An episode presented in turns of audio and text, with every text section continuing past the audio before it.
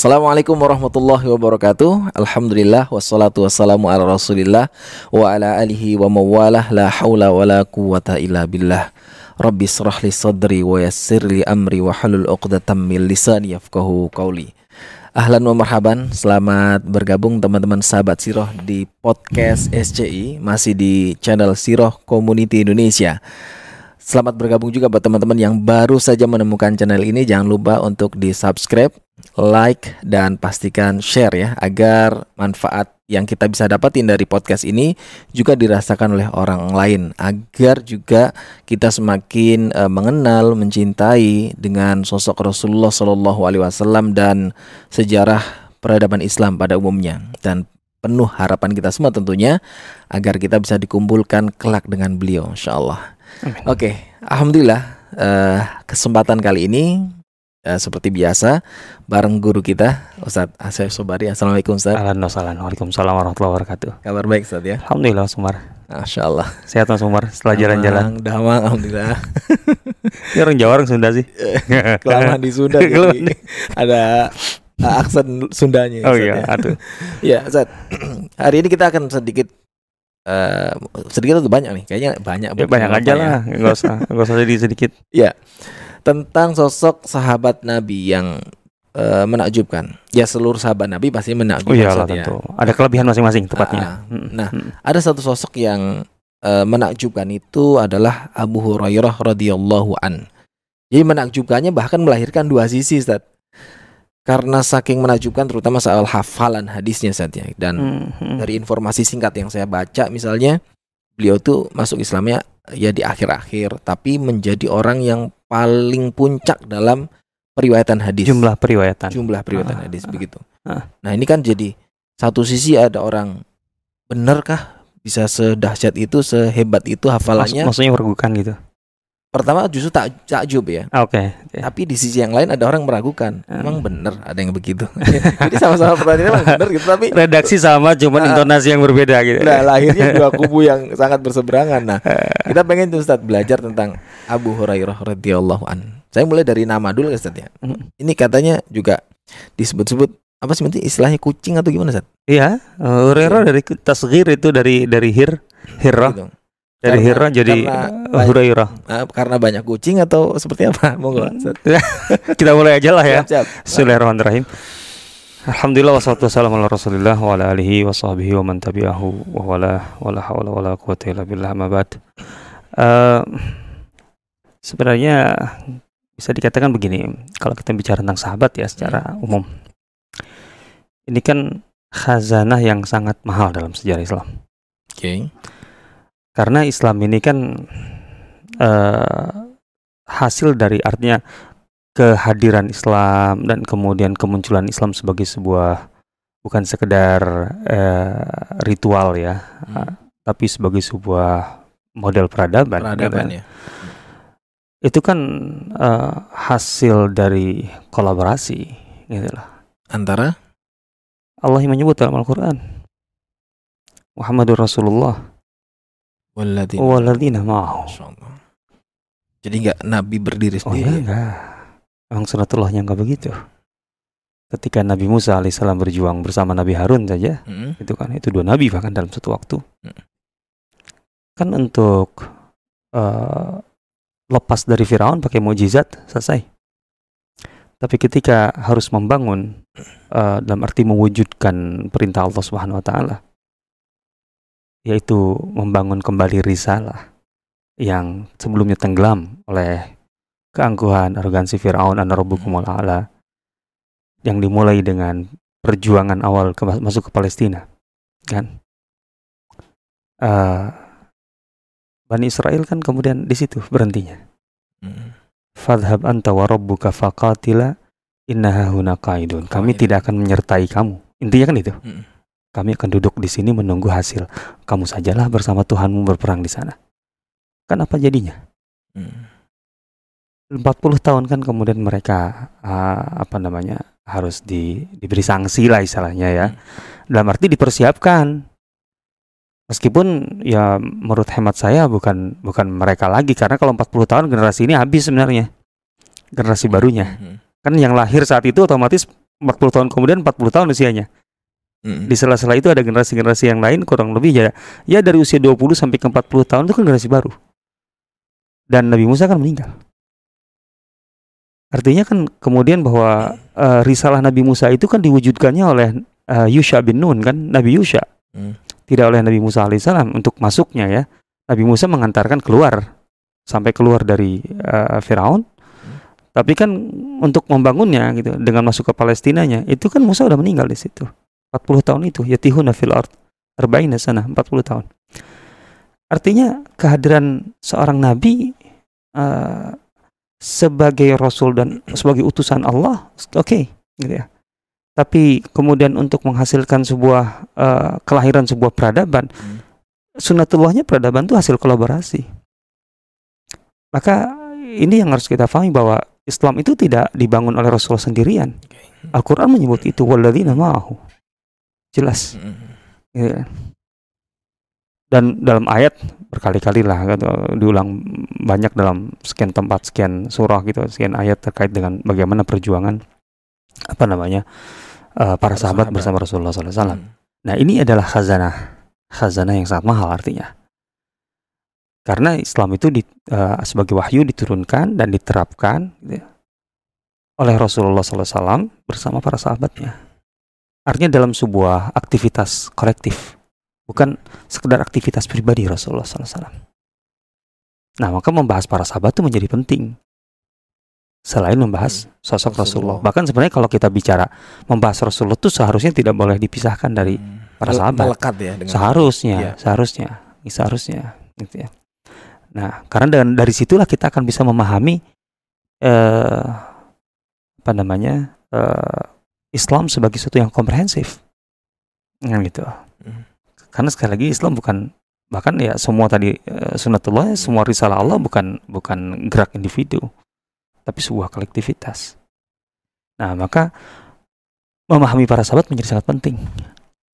Dan ini mahal karena para sahabat kan pada dasarnya adalah manusia biasa bukan nabi Iya. bukan rasul gitu loh jadi sifat dasarnya gitu ya, itu sudah sudah ada atau lebih dekat ke kita artinya lebih dekat lah kan kita nggak enak kalau bilang sama kan jadi rasanya gimana gitu Sampai kita.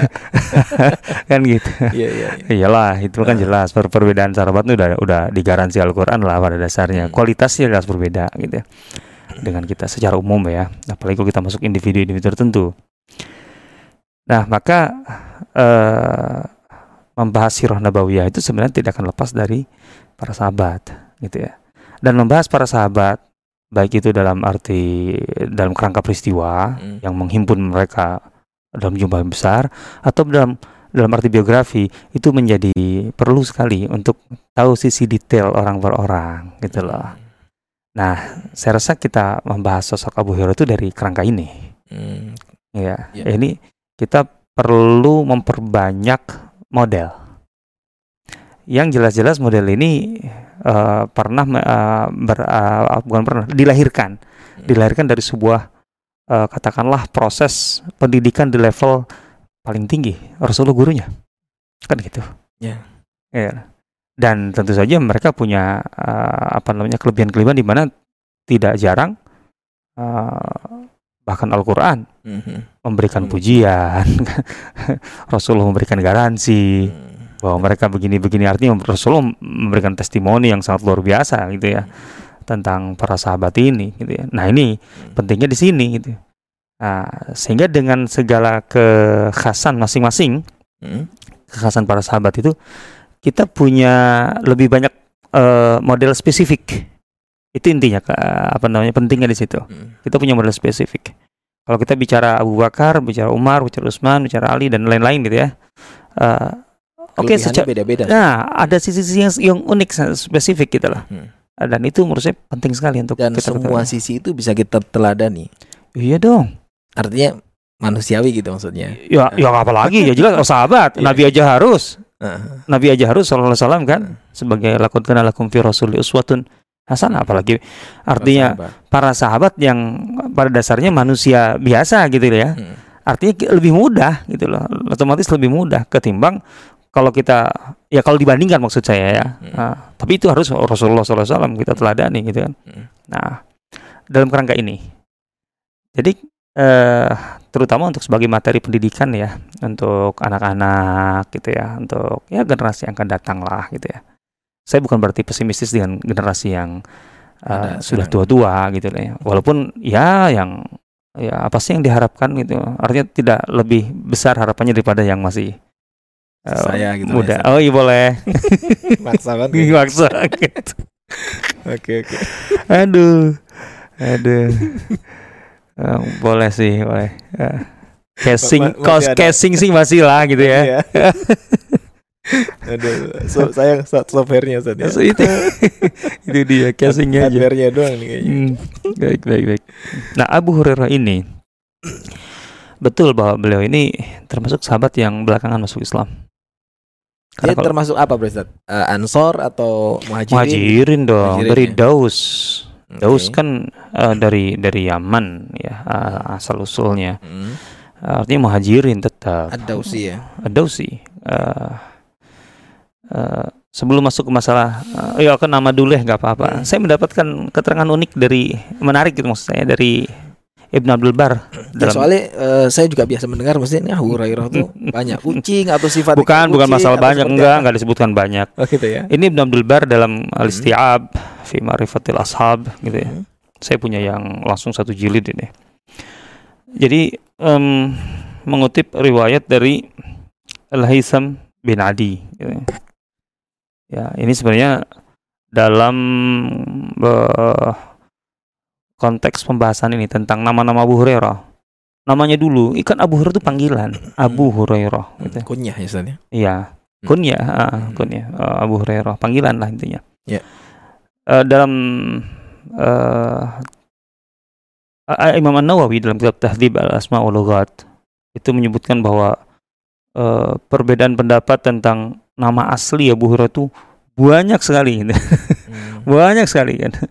Yang saya tahu cuma Abdurrahman bin Sakh eh Abdurrahman bin Sakhr ya. Eh, itu ya itu yang masyhurnya Hmm. Abdurrahman atau Abdullah. Ya, Gitu. Abdullah. Artinya yang yang kemudian para ulama kan otomatis apa namanya meneliti gitu. ya. Nah, yang paling kuatnya itu Abdurrahman atau Abdullah bin Sahar Ad-Dausi Ad-Dausi ya. dari Daus. Ternyata nggak cuma itu. Oh enggak, enggak, enggak, enggak, enggak, enggak. Itu yang itu yang kemudian hasil penelitian Imam Bukhari dan lain-lain gitu loh. Termasuk ini uh, Al-Haytham bin Adi dia mengatakan contohnya nih. Hmm. Karena uh, ismu eh, Abi uh, ismu kana ismu Abi Hurairah fil jahiliyah Abdul Syams. Di jahiliyah Abdul Syams katanya. Hmm. Kemudian kemudian eh, ketika masuk Islam jadi Abdullah. Wa huwa min al-Azd min Daus. Gitu. Terus kemudian Wara Yunus bin Bukairan ibn Ishaq qala hadatsani ba'du ashabina an Abi Hurairah qala kana ismi fil jahiliyah Abdul Syams. Fasumitu fil Islam Abdurrahman. Nah, kemudian gitu. Ah, ini sebenarnya hanya sebagian kecil. Di sini aja tentang namanya udah satu halaman tentang perbedaan nama. Jadi memang eh, ya wajar sih artinya sebenarnya mm, ya jangan itu Abu Bakar aja kan namanya ada khilaf Hmm. Abdurrahman bin Auf aja ada khilaf tentang namanya di jahiliyah karena memang itu tidak menjadi perhatian di sejarah kita karena terkait dengan masa-masa awal kan emang namanya bukan Abdurrahman bin Auf awalnya bukan Abdurrahman kan gitu baru kemudian diganti setelah Islam. uh, Islam diganti oleh Rasulullah SAW nah eh nah ini dari dari berarti ini dari Ibni Ishaq ya nah ter- terkait dengan Abu Hurairahnya gitu ya Hmm. Nah, wa inna uh, kunnitu uh, jadi kunyah itu diberikan bi Abi Hurairah. Kenapa aku disebut Abu Hurairah? Di ani wajadtu hirratan karena aku pernah menjumpai menemukan.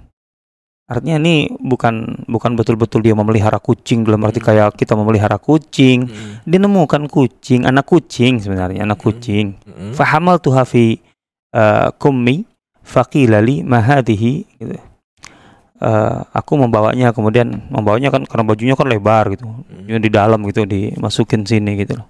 Dibawa anak kucing. Hmm. Eh, maka aku ditanya, "Apa itu?" gitu. Kultu Hira. Itu anak kucing. Faqila fa anta Abu Hurairah katanya. Nah, itu satu riwayat. Riwayat lain qad wa qad ruwina anhu annahu qala kuntu ahmilu hirratan yauman fi kummi fara'ani Rasulullah. Nah, ada yang mengatakan bahwa Rasulullah sendiri yang sallallahu alaihi wasallam yang bertanya, "Mahadi, apa itu Abu Hurairah?" Qultu Hirra. Fakultu eh faqala ya Abu Hurairah. Kemudian Rasulullah Dari. Rasulullah, ya, ya, di riwayat ini. gitu. Hmm. Eh, dan menurut Ibnu Abdul Bar wa hadza ashbahu indi ay yakuna an-nabiy sallallahu alaihi wasallam kannahu bidzalik dan menurutku inilah yang paling ya paling mendekati lah istilahnya bahwa Rasulullah memang yang memberi eh, panggilan Abu Hurairah.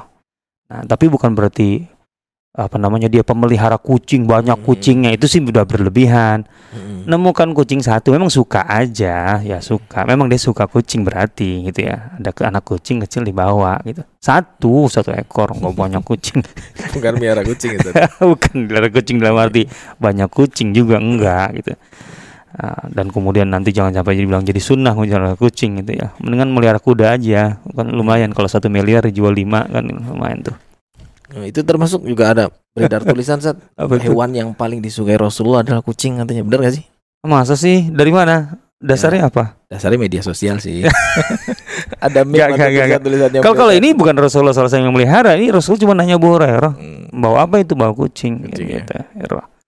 ya Abu Hurairah gitu ya. karena eh, kait apa sering kali dikaitkan dengan Islam atau dengan Rasulullah bahkan ya. Kucing ini. Hmm, saya, saya belum nemukan ya belum, Belum ya? Oh, kalau makanya kalau ada yang eh, bisa menyampaikan barangkali sumbernya di mana silakan ditulis di komen ya soalnya saya belum menemukan Iya, kalau iya. bahwa Rasulullah SAW eh, memelihara kucing atau di antara sekian hewan beliau suka Paling suka. paling suka kepada Hmm. kucing saya nggak tahu Mas, saya nggak tahu bukan bukan bukan itu tidak Ini benar informasi buat teman-teman Siron ya. Ustadz yang pakar Siron. Eh, jangan, Lihat nggak, Siro, bacaan Sironnya banyak dari dulu juga nggak pernah ketemu tentang riwayat. belum belum intinya ya, belum ya? Barangkali ya nanti ada Oke, silahkan tulis di komen. Mudah-mudahan kita bisa. kalau ada sumbernya silakan Iya. kita kan enak kalau ada sumbernya kan Benar. ya justru untuk itu kan kita Hmm. membahas itu kalau ada tambahan-tambahan kan asik juga gitu, gitu. Oke. nah Abu Hurairah ini Hmm. eh, sekali lagi memang betul beliau eh, belakangan masuk Islam gitu ya tepatnya di tahun 7 karena dari sekian banyak riwayat contohnya dalam kitab Ibnu Sa'ad di sini atau bakat gitu ya Tabakat al-Kubra itu Abu Hurairah sendiri yang menceritakan bahwa ketika tiba di Madinah itu itu saat sholat subuh gitu lah. Waktu Oke. itu imamnya adalah eh, seorang sahabat karena Rasulullah sedang tidak ada di Madinah ke Khaybar. Oh. Khaybar itu kan di awal tahun 7 Hmm. gitu ya. Khaybar tahun 7. Maka kemudian Abu Hurairah mengejar gitu ya ke arah Khaybar gitu ya. Nah, masuk Islamnya di situ. Artinya di jalan uh, mengikuti perjalanan Rasulullah pulang dari Khaybar ke Madinah. Gitu. Ceritanya begitu. Jadi otomatis tahun 7 dong. Hmm. Berarti kan ada tinggal 8, 9, 10, 11. Bisa dikatakan 4 tahun saja Abu Hurairah sallallahu alaihi wasallam eh radhiyallahu anhu bersama Rasulullah sallallahu alaihi wasallam. Hanya 4 tahun gitu ya. Ya dibanding para sahabat senior otomatis ini belakangan lah ya. Iya. Nah, Nah, cuma Hmm. Abu Hurairah juga mengakui bahwa ketika aku tiba di Madinah itu aku dalam kondisi miskin, gitu ya. Hmm. Artinya memang kondisinya miskin, hidupnya miskin. Untuk itu sebagaimana eh, dan ini muhajirin artinya kan? Hmm. Iya dong, karena dari luar Madinah intinya kan. Siapa pun dari luar Madinah bergabung ke Madinah ya muhajirin. Ya tepatnya sebelum Fatu Mekah sih sebenarnya yang disebut muhajirin itu, gitu ya. Artinya secara inilah eh, yang kuatnya itu kan. Hmm. Karena setelah Fatu Mekah juga ada yang datang, tapi kan Rasulullah mengatakan la hijrah ba'dal fatah. Tidak berlaku lagi hijrah, artinya kewajiban hijrah itu tidak berlaku setelah Fatu Mekah. Kalau sebelum Fatu Mekah ada kewajiban hijrah. Maka Abu Musa al-Asy'ari juga dari Yaman Hmm. bergabung. Kan sama bareng nih. Hmm. Barengan ini. Datangnya artinya nyampainya barengan. Tapi kan Abu Musa al-Asy'ari bersama Ja'far bin Abi Thalib itu kan dari Iya. Habasyah. Ah, dari Habasyah.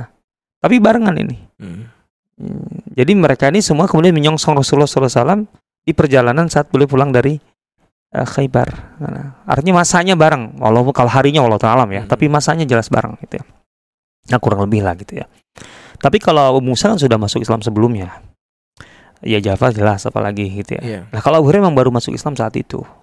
Gitu. Nah, jadi ini awalnya. Jadi bisa dikatakan kita mengenal Abu Hurairah sebagai uh, sahabat Nabi SAW mulainya dari sini. Sejarah Abu Hurairah itu dari sini, gitu lah. Nah, Abu Hurairah, uh, saya juga tidak mendapatkan kapan persisnya lahir. Hmm. Itu tidak mendapatkan. Uh, tapi ada keterangan uh, yang menyatakan bahwa usianya ketika meninggal di kisaran 75 tahun. Nah, nah wafatnya tahun 57 itu menurut Khalifah Ibnu Khayyat. Dalam tabakat Khalifah Ibnu Khayyat, Abu Hurairah wafat tahun 57 artinya di masa Muawiyah bin Abi Sufyan. Gitu ya. Di masa khilafahnya Muawiyah. Kalau usianya kemudian 75, berarti kan tinggal tarik ke belakang. Abu Hurairah itu uh, lahir kurang lebih 14 eh sorry 15 tambah 3 hmm, ya lebih kurang sekitar 18 tahun gitu ya sebelum hijrah itu lahirnya kan berarti gitu berarti kalau masuk Islam di tahun 7 18 tambah uh, 7 hmm. gitu berarti kan 25 tahun 25, masih muda masuk Islam nah hmm. sebagai muhajirin miskin pula hmm. maka uh, yang pasti dia akan tinggal di Sufah dong karena itu memang kebiasaannya. Yeah. gitu karena muhajirin yang memang eh, apa namanya secara ekonomi sulit ya pasti tinggal di Sufa gitu lah. Tinggal tinggal perkembangannya setelah itu apakah akan tetap di Sufa setelah beradaptasi di Madinah atau kemudian dia membangun rumah. Tinggal itu saja. Nah Abu Hurairah termasuk yang tidak mau membangun rumah. Sampai empat tahun terakhir itu. Maksudnya nggak mau mengembangkan diri secara ekonomi lah gitu ya.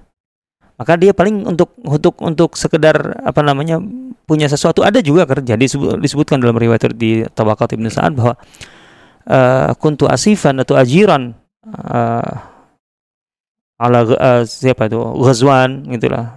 Uh, di sini Ghazwan di sini saya kurang tahu. Yang penting yang yang, yang, yang jelas uh, keterangannya kemungkinan besar maksud saya hmm. itu ansar gitu ya. Artinya dia bekerja, mungkin bekerja tidak tetap maksudnya gitu loh uh, kepada keluarga ini. Dan kelihatannya dekat hubungannya. Sampai kemudian nanti walaupun saya tidak dapatkan keterangannya sampai dia dinikahkan kepada putrinya. Gitu loh saya sejauh itu gitu loh. Tapi itu kemudian gitu ya, yang jelas menyusul gitu loh. Tidak di awal-awal. Nah apakah di zaman Rasulullah SAW hidup atau setelah Rasulullah wafat? Kemungkinan setelah Rasulullah wafat gitu ya. Karena riwayat-riwayat yang menyebut Abu Hurairah radhiyallahu anhu itu uh, begitu dekat dengan Rasulullah, aktivitasnya banyak dengan Rasulullah SAW, yang terkait dengan keseharian loh. Hmm? Itu menunjukkan bahwa Abu Hurairah uh, bisa dikatakan eh, betul-betul uh, terus nempel dengan Rasulullah SAW. Ini yang ini yang harus dicatat. Jadi Sufa itu kan di dalam Masjid Nabawi. Yeah. Jadi Rasulullah SAW kalau keluar dari masjid dari dari rumah maaf, masuk ke dalam masjid gitu ya. Hmm. Ya itu kan otomatis sekarang kan bagian depan kan. Kan rumah Aisyah. Yeah. Ya. Uh, kalau dari situ maksud saya patokannya kan ada rumah-rumah istri yang lain. Tapi kalau rumah Aisyah keluar itu langsung ke masjid Raudhah. Hmm. Itu kan di belakangnya itu sufah itu. Jadi Abu Hurairah itu selalu nempel dengan Rasulullah SAW. Dan bisa dikatakan uh, hampir seluruh kesehariannya gitu, itu dihabiskan untuk berada di dalam lingkungan itu dan untuk kemudian bisa selekat mungkin dengan Rasulullah SAW ketika Rasul berada di luar di luar rumah hmm. untuk apa ilmu semua ashabus sufah itu adalah pelajar-pelajar yang uh, istilahnya gila ilmu kita akan dapat itu. Abdullah bin Mas'ud pernah di Sufah. Uh, bahkan ada orang Ansor yang di Sufah. Seperti Ka'ab bin Malik. Itu pernah tinggal di Sufah. Gitu loh. Bukan karena miskin berarti kalau... Bukan, kalau Malik punya rumah dong. Yeah. Cuman rumahnya kan dia di Bani Salamah kan di agak jauh kan di situ hmm. dekat apa namanya? Uh, dekat Jabal Salah, dekat situ gitu. Jadi agak jauh makanya sering tinggal di Sufah. Ya mungkin ya berkata kalau kita sekarang kayak kerja di Jakarta gitu hmm. weekend nanti pulang ke Cirebon kayak kayak gitu kan bisa jadi begitu gitu. Nah ya modusnya kurang lebih lah mungkin gitu hmm. tapi intinya disebutkan bahwa dia termasuk yang tinggal di sofa Jadi sufa ini adalah berisi sahabat yang miskin-miskin, gitu loh.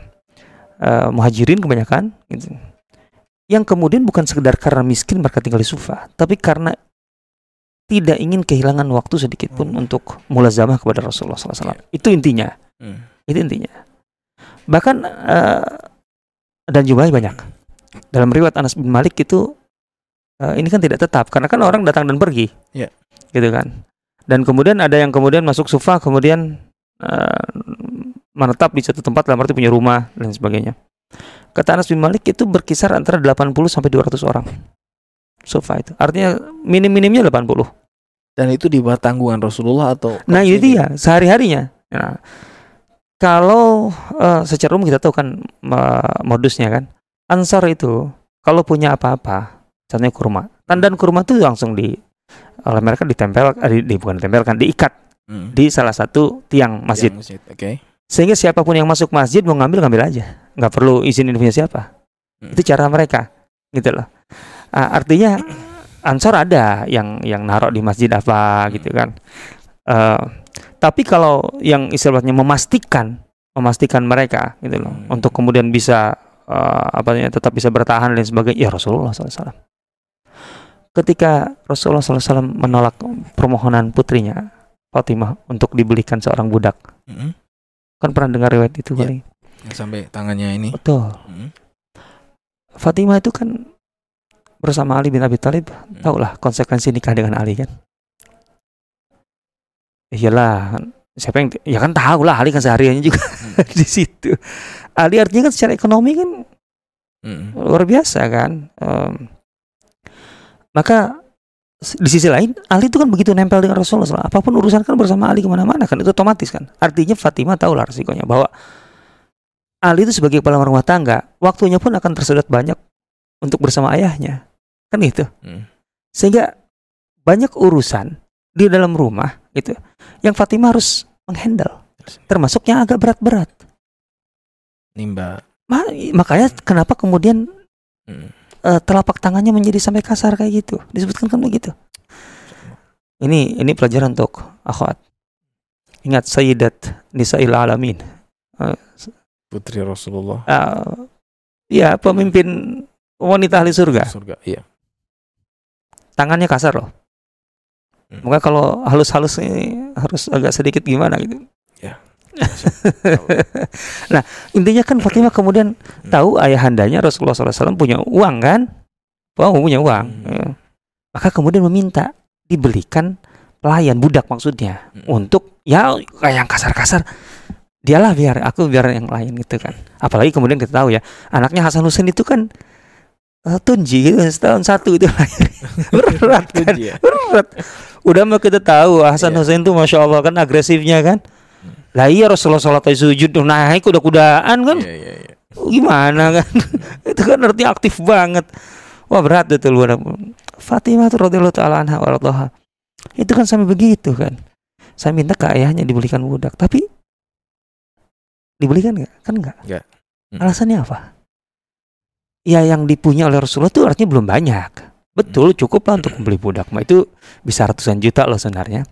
Hmm. tapi kata Rasulullah kalau aku belikan eh, seorang budak untuk apa namanya eh, menjadi pelayanmu gitu meringankanmu itu artinya aku akan meninggalkan sahabat-sahabatku kelaparan coba ini siapa yang ditimbang Rasulullah pertama kali.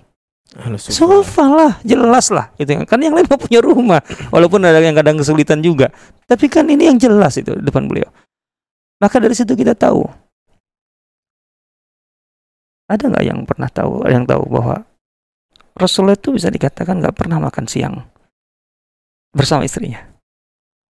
Kapan Rasulullah makan siang bersama istrinya? Di meja bersama istrinya. Kapan Rasulullah makan siang sendirian? Setidaknya makan siang, makan malam pun bahkan. Tapi yang yang jelas makan siang. Rasul tidak pernah setahu saya, Rasul tidak pernah makan siang di dalam rumah bersama istrinya. Gak pernah. Karena selalu bersama para sahabatnya. Selalu. Yang siapa? Al Sufa lah. Hmm. Itu dia. Abu Hurairah tuh kan yang kadang-kadang kan ya gitu. Abu Hurairah tuh pernah kelaparan begitu luar biasa, sangatlah kelaparan. Kata Rasulullah, "Yuk kita ke rumah fulan diundang panggil teman-temanmu maksudnya al sufa gitu Hmm. yang jumlahnya segitu banyak Hmm. kata ini dari ada riwayat Abu Hurairah tuh aku berharap betul bukan aku yang kemudian disuruh oleh Rasulullah untuk ngurusin makanan itu nyiapkan untuk teman-temannya. Karena tahu sunnah Rasulullah SAW kebiasaan Rasulullah SAW yang ngurus itu yang ngurusin makanan untuk orang banyak itu harus yang terakhir menyisakan untuk dirinya. Gitu loh. Iya. eh betul. Ngerti loh. Kata Rasulullah Abu Hurairah sini siapin Allah. Artinya kan dia ngurusin untuk teman-temannya dulu. Padahal dia sangat sangat lapar kata dia. Sampai kemudian dia yang terakhir bersama Rasul. Dan Rasul tahu itu. Gitu lah sampai kemudian Rasulullah kan Rasulullah ya itu konsisten dengan dengan sunnahnya. Ketika ketinggal beliau dengan Abu Hurairah Abu Hurairah yang kemudian diladeni oleh beliau. Nih makan. Ini minum. Ini minum. Sampai nah di sini juga nih penting. Bahwa di situ riwayatnya jelas bahwa apa namanya Abu Hurairah itu sampai kekenyangan. Artinya bukan berarti nggak boleh sama sekali makan itu sampai kenyang. Sesekali boleh-boleh aja Rasulullah pernah melakukannya. Kalau berarti kakak Abu Hurairah gitu. Karena Abu Hurairah ketika disodorin berkali-kali itu sampai Rasul Abu Hurairah nolak nggak nggak bisa lagi ya Rasulullah. La ajidu ah, aku tidak mendapati maslakan untuk minuman atau makanan itu nggak bisa lagi masuk kan kenyang artinya kan kan gitu. Ya sekali ya sesekali gitu. Itu Rasulullah senyum di situ Masya Allah gitu kan. Nah artinya kesehariannya begitu. Ini kan kalau ini artinya kan sangat nempel. Dan bet- sampai dipercaya kalau hal sederhananya jadi ketua RT-nya Sufah lah. Abu Hurairah tuh iya. Karena selalu dipanggil dia kan itu ya Rabbi ya Karim ah. jadi itulah ke- ah, Abu Hurairah bersama Rasulullah. Hmm. sampai Rasulullah wafat hmm, eh, tadi Abu Hurairah itu wafatnya tahun eh, maaf Rasulullah wafat itu tahun 11 Abu Hurairah tahun 57 berarti ada masa kurang lebih sekitar 46 tahun setelah Rasulullah wafat kan Abu Hurairah baru wafat. Nah eh, Abu Hurairah kemudian di masa eh, Khalifah Khalifah Rasyidin gitu. itu kan kemudian bahkan di zaman Umar Abu Hurairah itu diangkat menjadi eh, apa pejabat. Ya gubernur lah ini asik kan ini juga sisi, sisi lain dari peradaban kita orang miskin Hmm. masalahnya hanya tidak punya apa-apa artinya tidak punya eh, materi Ya, bukan nggak punya kompetensi ya. tapi mental Hmm. kan mental tadi Eh, dia ini nggak pernah dengan segala ini, ini perlu di ini ya Hmm, oke. Abu Hurairah itu dengan dengan dia tidak punya pekerjaan tetap atau yang menghasilkan gitu Hmm. karena memang tidak mau kehilangan waktu Aman. bersama Rasulullah SAW Iya. itu tahu resikonya pasti dia sulit hidupnya Abu Hurairah tidak pernah dan sahabat-sahabatnya di Sufa. Hmm. itu kan dipuji oleh Al-Quran gitu. Gimana Ustaz? bahwa mereka itu eh yahsabuhum aghniya min eh, yahsabunahum aghniya min ta'affuf orang-orang di sekitarnya itu mikir fine fine aja nggak ada masalah. Karena tidak pernah menunjukkan bahwa mereka kelaparan. Tidak pernah meminta-minta ta'affuf. Itu mental gitu loh. Hmm. Bahkan mereka kadang-kadang sampai berguling-guling di tanah itu untuk menahan lapar. Orang-orang, terutama orang-orang yang baru datang ke Medina, pikirnya ini orang gila, itu kesurupan. Nah, padahal kata Abu Hurairah, lapar. Tidak menunjukkan. Sampai pingsan ya satu riwayatnya. Um, wallahualam mungkin, eh, saya kurang pasti. Gitu ya. Tapi yang jelas sampai begitu. Artinya mentalnya bagus, ilmunya hebat. Hanya nggak punya apa-apa. Nah itu bedanya miskin sahabat dengan miskin kita. Makanya kalau kita apa namanya mau meneladani sahabat dalam miskin harus gitu. Hmm. Jangan miskinnya bukan miskin harta, miskin Mental mental, miskin ilmu. Iya. Makanya ketika Umar bin Khattab menjadi khalifah, Abu Hurairah termasuk yang diangkat menjadi gubernur di Bahrain. Gubernur, walaupun kemudian eh, kemudian di, di, dicopot oleh Umar. Masalah mencopot, copot mencopot biasa. Hmm. Umar mencopot orang bukan karena uh, Khalid dicopot, uh, Syurahbil bin Hasan dalam kemiliteran dicopot, kan bukan karena apa-apa. Artinya bukan karena ada kejahatan ataupun uh, penyelewengan ataupun enggak gitu. Saat bin Abi Waqqas aja dicopot jadi gubernur Kufah oleh Umar kan biasa gitu. Nah, kita harus paham masanya beda dengan sekarang kalau dicopot tuh kenapa? Karena orang tuh kalau bisa bisa bertahan bertahan aja walaupun bejat pun bisa bertahan bertahan aja. Sehingga kalau dicopot tuh udah nemen banget dan ketahuan gitu. Istilahnya ketangkap basah gitu. Kalau ini enggak gitu loh. Karena beda paradigmanya beda. Nah, lo kuliah Hmm. sampai titik itu gitu lah. Eh, bahwa dipercaya sebagai eh, pejabat itu artinya kan mempunyai kom- kompetensi untuk itu, Iya. Ya, punya kemampuan gitu Abu Hurairah tuh. Dari seorang miskin gitu, tidak punya apa-apa ketika dijadikan pejabat sukses. Kan gitu. Nah, ini ini ini penting gitu lah. Nah, kemudian di zaman Ali pun pernah mau diangkat tapi dia menolak. Gitu lah. Abu Hurairah. Nah, kemudian sampai zaman Bani eh, zaman Muawiyah. Nah, di masa Muawiyah ini eh, Abu Hurairah meninggal tahun 57. Eh, a- atau ada yang mengatakan 59 tapi oke kita ambil eh, Khalifah bin Khayyat aja 57 eh, Hijriah. Nah, dari mulazamahnya itu dengan Rasulullah SAW pertama Turunan itu ya. Ya, empat Hmm. tahun, empat tahun yang nggak pernah apa namanya lepas katakanlah begitu. Hmm. Yang empat tahun itu kan berarti satu hari, eh, satu tahun aja ada 350 hari taruh kalau hijriah ya, Hmm. 50. Berarti kan kali empat aja itu sudah sekitar eh 1400 hari. Hmm. Ini sehari-harinya bersama Rasulullah SAW. Berkata aktivitas Rasulullah di luar bisa dikatakan Abu Hurairah bisa mungkin nempel terus kan, Hmm. gitu ya. Coba bayangkan kalau dalam satu hari Rasulullah SAW berbicara tiga kali aja atau empat kali kan nggak mungkin kan Hmm. dalam sehari kalau tiga kali empat kali aja atau lima kali aja itu yang direkam berarti kan 1400 kali lima Lima. seharusnya berapa tuh udah Banyak lah ya. itu tujuh ribu kan gitu ya Iya. tujuh ribu kata-kata dan nggak mungkin lah lima kalimat Rasulullah ngomong dalam sehari kan Iya. bicara sehari nah kelebihan lain adalah Abu Hurairah itu punya daya hafal yang sangat luar biasa terutama setelah didoakan oleh Rasulullah Rasul, SAW ya. itu yang jelas Hmm. ketika doakan Rasulullah itu apa yang masalahnya Pak?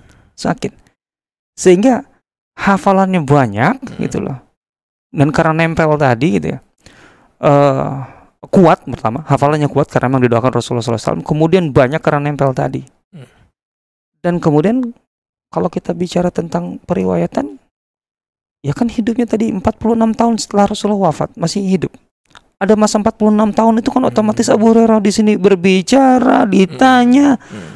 Wah, dari situ kalau kita bicara kenapa riwayatnya banyak? Apa masalahnya?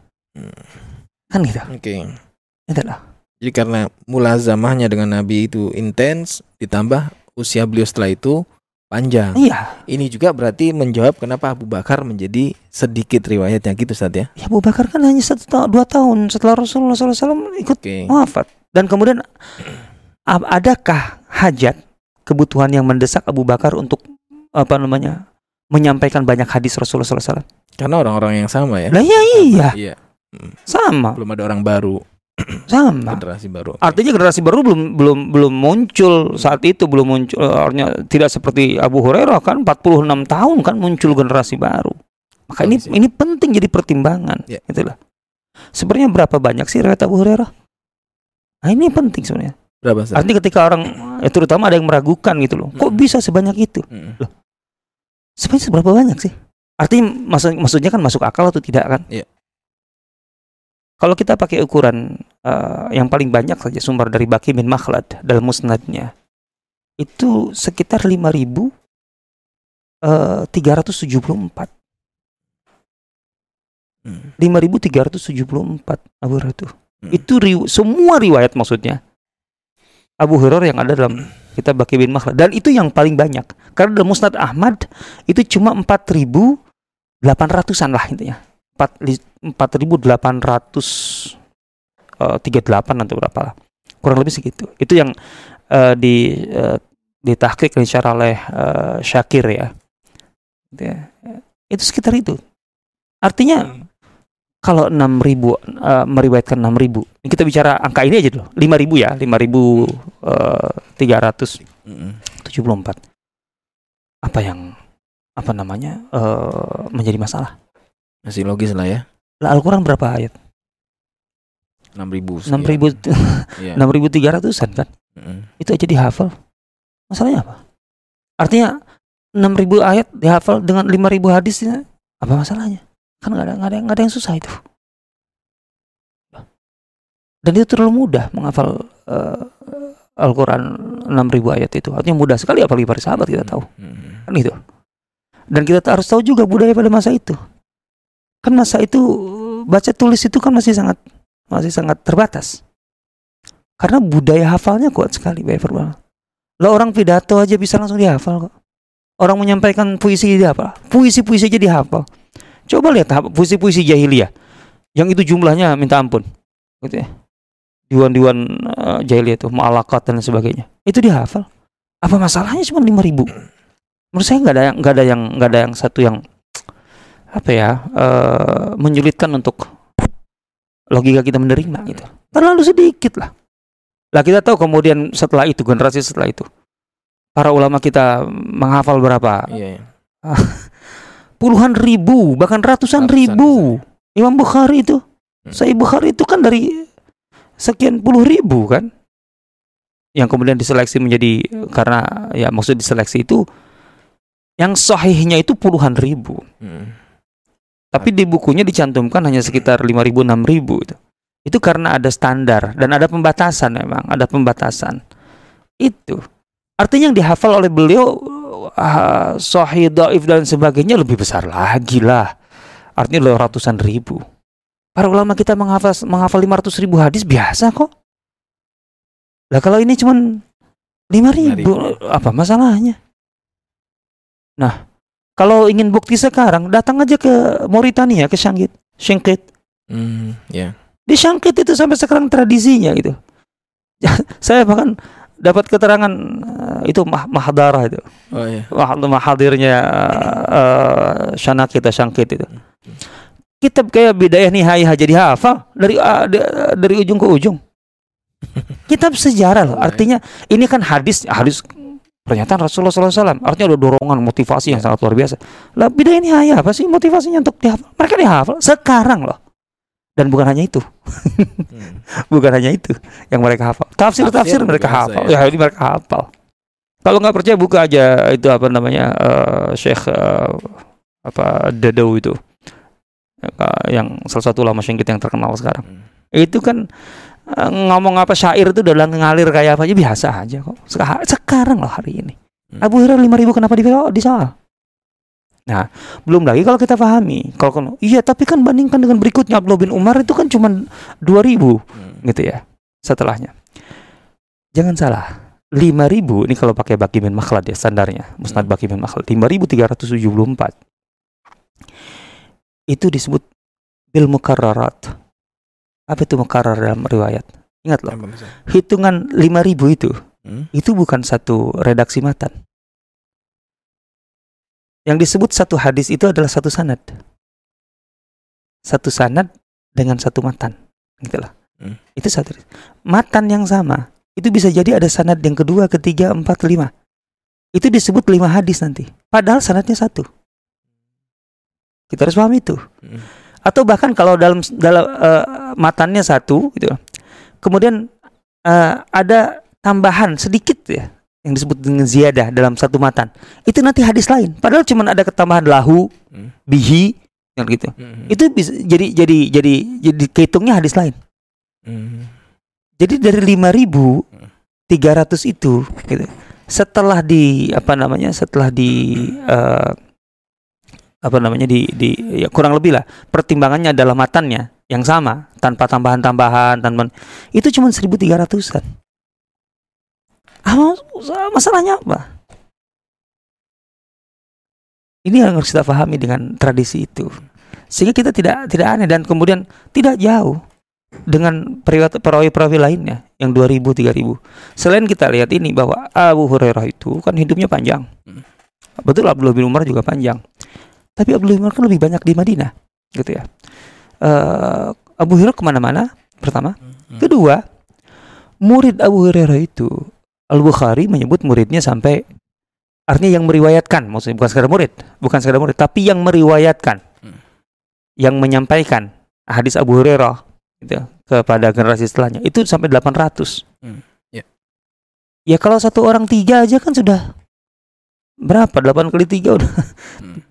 Dua dua ribuan kan lah se- selama 40 tahun lebih gitu loh apa yang menurut saya tidak ada yang aneh gitu loh tidak ada yang aneh Kan- lagi didoakan Nabi tadi ya. Oh lain itu itu udah udah jelas dasarnya sebenarnya. Sebenarnya dengan itu aja udah selesai Mm-mm. seharusnya. Jadi kalau kita main logika pun Ya iya, masuk ya. sangat. Iya. Gitu ya. Jadi jumlah hadis Abu Hurairah dalam arti kalau ingat ya, jumlah hadis menurut para ulama hadis itu berarti satu sanad. Satu matan lima sanad lima hadis. Satu matan, lima sanat. Lima hadis. Oh gitu. gitu loh. Itu yang disebut mukarrar gitu ya. Karena ada matan ada, ada sanad yang berbeda-beda atau ada ziyadah tambahan. Itu satu hadis lagi, beda lagi. Padahal kurang lebih pesannya sama. Itu harus kita pahami dengan baik. Makanya kalau tanpa itu semua sekitar 1300-an saja. So apa problemnya? Jadi kenapa ada orang yang meragukan nih pertanyaannya? Ya nggak tahu gimana cara membangun logikanya.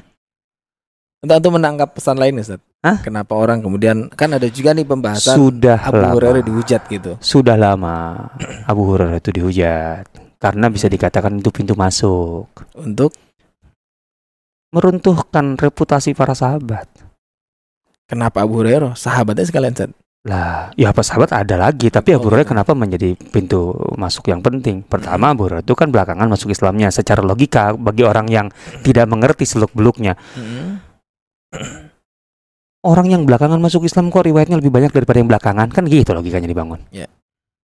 Ada yang duluan, maaf, Mm-mm. daripada yang duluan. Mm. Cuman 4 tahun. Masa dibanding dengan yang 10 tahun yang lebih banyak? Kan gitu. Masalahnya kenapa? Gitu. Kan kalau ini bi- sedikit bicara, kalau ini banyak bicara, banyak menyampaikan. Kan masalahnya itu. Belum lagi tadi ada tuntutan. Iya. Generasi baru sudah muncul. Generasi baru ini kan nanya. Mm-mm. Abu Hurairah, eh, dan Abu Hurairah juga banyak meriwayatkan dari para sahabat juga. Artinya nggak langsung dari Rasulullah SAW.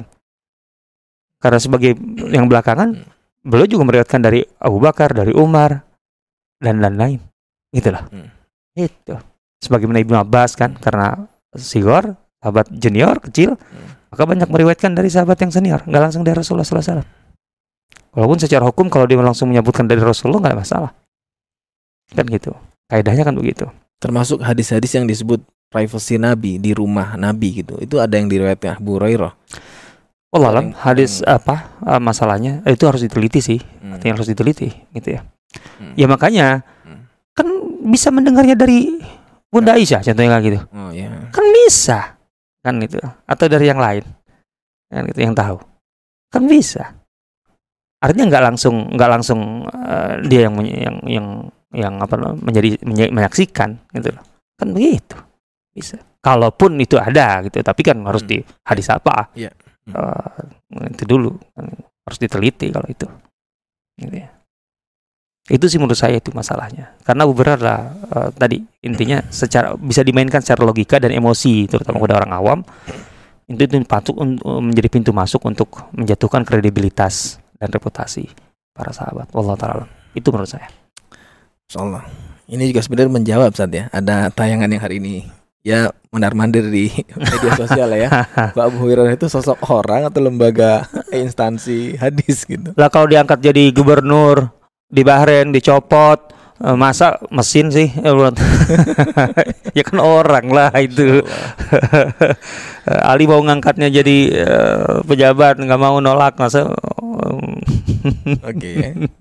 Dan jadi obrolan tadi kita juga jadi sangat nalar, maksudnya masuk ke logika ya. Walaupun empat tahun bersama Nabi, tapi dengan mulazamahnya, kebersamaannya, intensitasnya bersama Nabi itu dan doa dan doa Nabi. hafalannya Nabi eh hafalannya si Abu Hurairah ini ya Iya. radhiyallahu an dahsyat sekali. Insyaallah.